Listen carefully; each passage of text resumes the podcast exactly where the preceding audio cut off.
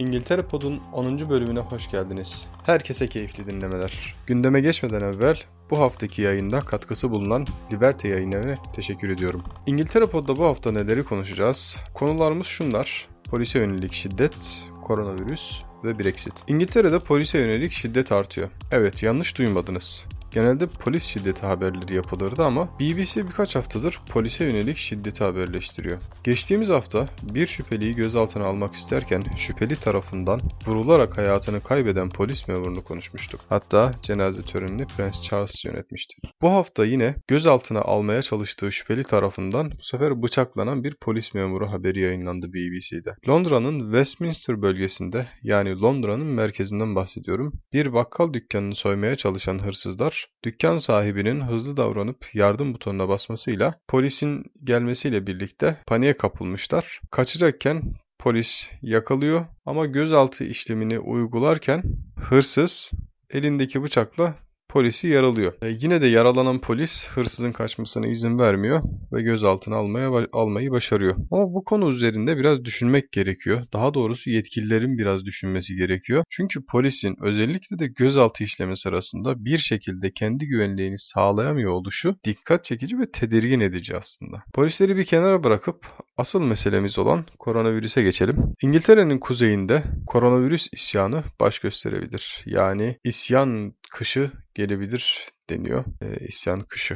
İsyan derken şundan bahsediyorum. Vaka sayılarının yoğunlukta olduğu kuzey bölgelerinde şu an için yerel sokağa çıkma yasakları ve bazı diğer kısıtlamalar uygulanıyor. Güney biraz daha rahat bizim bulunduğumuz bölgeler. Bunlar uygulanırken kapanan iş yerlerine ya da çalışamayan insanlara genel bir maaş yardımı ya da iş yerlerine iş yeri yardımı yapılmıyor. Ee, ilk sokağa çıkma yasağında yapılmıştı ama o bütün ülke çapındaydı. Bu orada yaşayan ve çalışan milyonlarca insanın büyük sıkıntılara girmesine neden oluyor. Neden olacak daha doğrusu. Şu an içinde sıkıntı ama ilerisi için daha büyük tehlikeler kapıda. Konuyla alakalı konuşan Manchester Bölgesi Belediye Başkanı Andy Burnham, virüsün yayılmasını engellemede birinci etkenin tanı ve takip sistemi olduğunu ifade edip şunu ekliyor. Bununla birlikte alınacak diğer tedbirlerde merkezi hükümetin yerel yönetimleri işin içine dahil etmesi gerekir. Bunu şunun için ifade ediyor. Merkezi hükümet ülkenin her tarafına bizzat görevli gönderemiyor. Ama yerel yönetimler ekipleriyle birlikte kontrol mekanizmalarını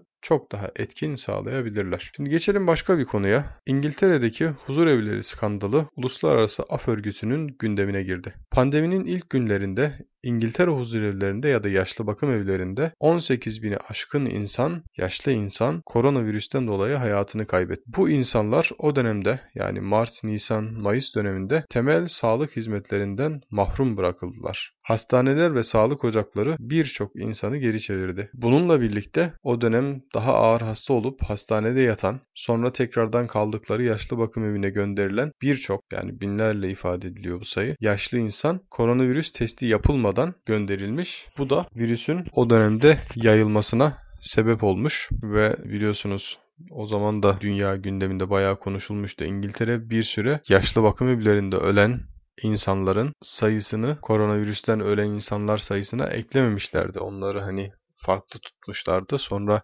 gelen tepkiler üzerine onları da e eklediler falan. Buralarda yaşayan ve koronavirüsten dolayı hayatını kaybeden yaşlıların yakınlarıyla görüşen Uluslararası Af Örgütü konuyu detaylı şekilde araştırdıktan sonra bir rapor oluşturdu. Oluşturulan bu raporda burada kalan on binlerce yaşlı insanın haklarının yani temel insan haklarının ihlal edildiğini tespit etti. Bununla birlikte İngiltere hükümetine konu için bir kamuoyu soruşturması açılması gerektiğini de bildirdiler. Geçelim başka bir konuya yine koronavirüsle alakalı.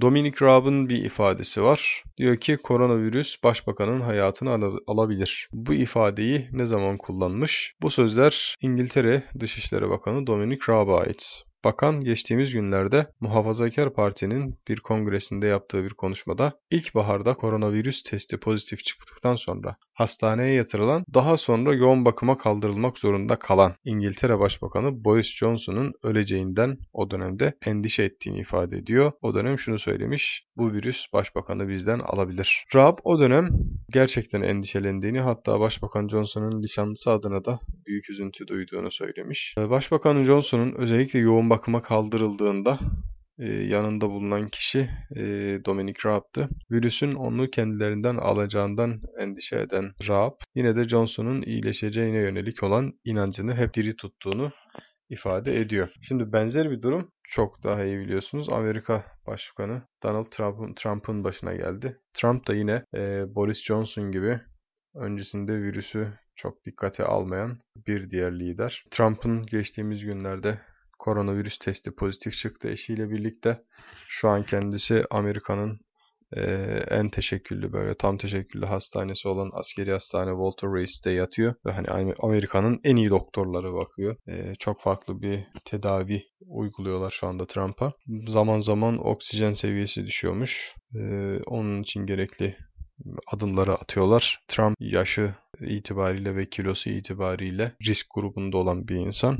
O da şu anda orada yatıyor. Tabi Amerika'daki başkanlık seçimlerine bir ay kaldı. Koronavirüsten dolayı mecburen seçim kampanyasını yarıda bırakmak zorunda kaldı Trump. E bununla birlikte e, rakibi olan Joe Biden da şöyle bir jest diyebileceğimiz bir şey yaptı. E, Trump'ın hasta olduğunu öğrenmesiyle birlikte kendi kampanyasındaki Trump aleyhtarı ifadeleri, şeyleri, tanıtımları çıkarmış. Bunların yapılmaması talimatını vermiş. Şimdi son bir konumuz kaldı. O da Brexit. Brexit sonrası için hala bir anlaşma yok. İngiltere'deki konutunda AB Komisyonu Başkanı Ursula von der Leyer'le bir araya gelen Başbakan Johnson yine görüşmeden bir sonuç alamadı. 15 Ekim yaklaşırken İki tarafta anlaşmasız biten toplantının ardından aylardır yapamadıkları anlaşmanın ne kadar da önemli olduğu konusunda ortak bir beyanda bulundular. Anlaşılamayan konuların başında gümrükler ve balık avlama sahalarındaki hak iddiaları geliyor. Eğer İngiltere istediğini alamazsa arada kalan bölgedeki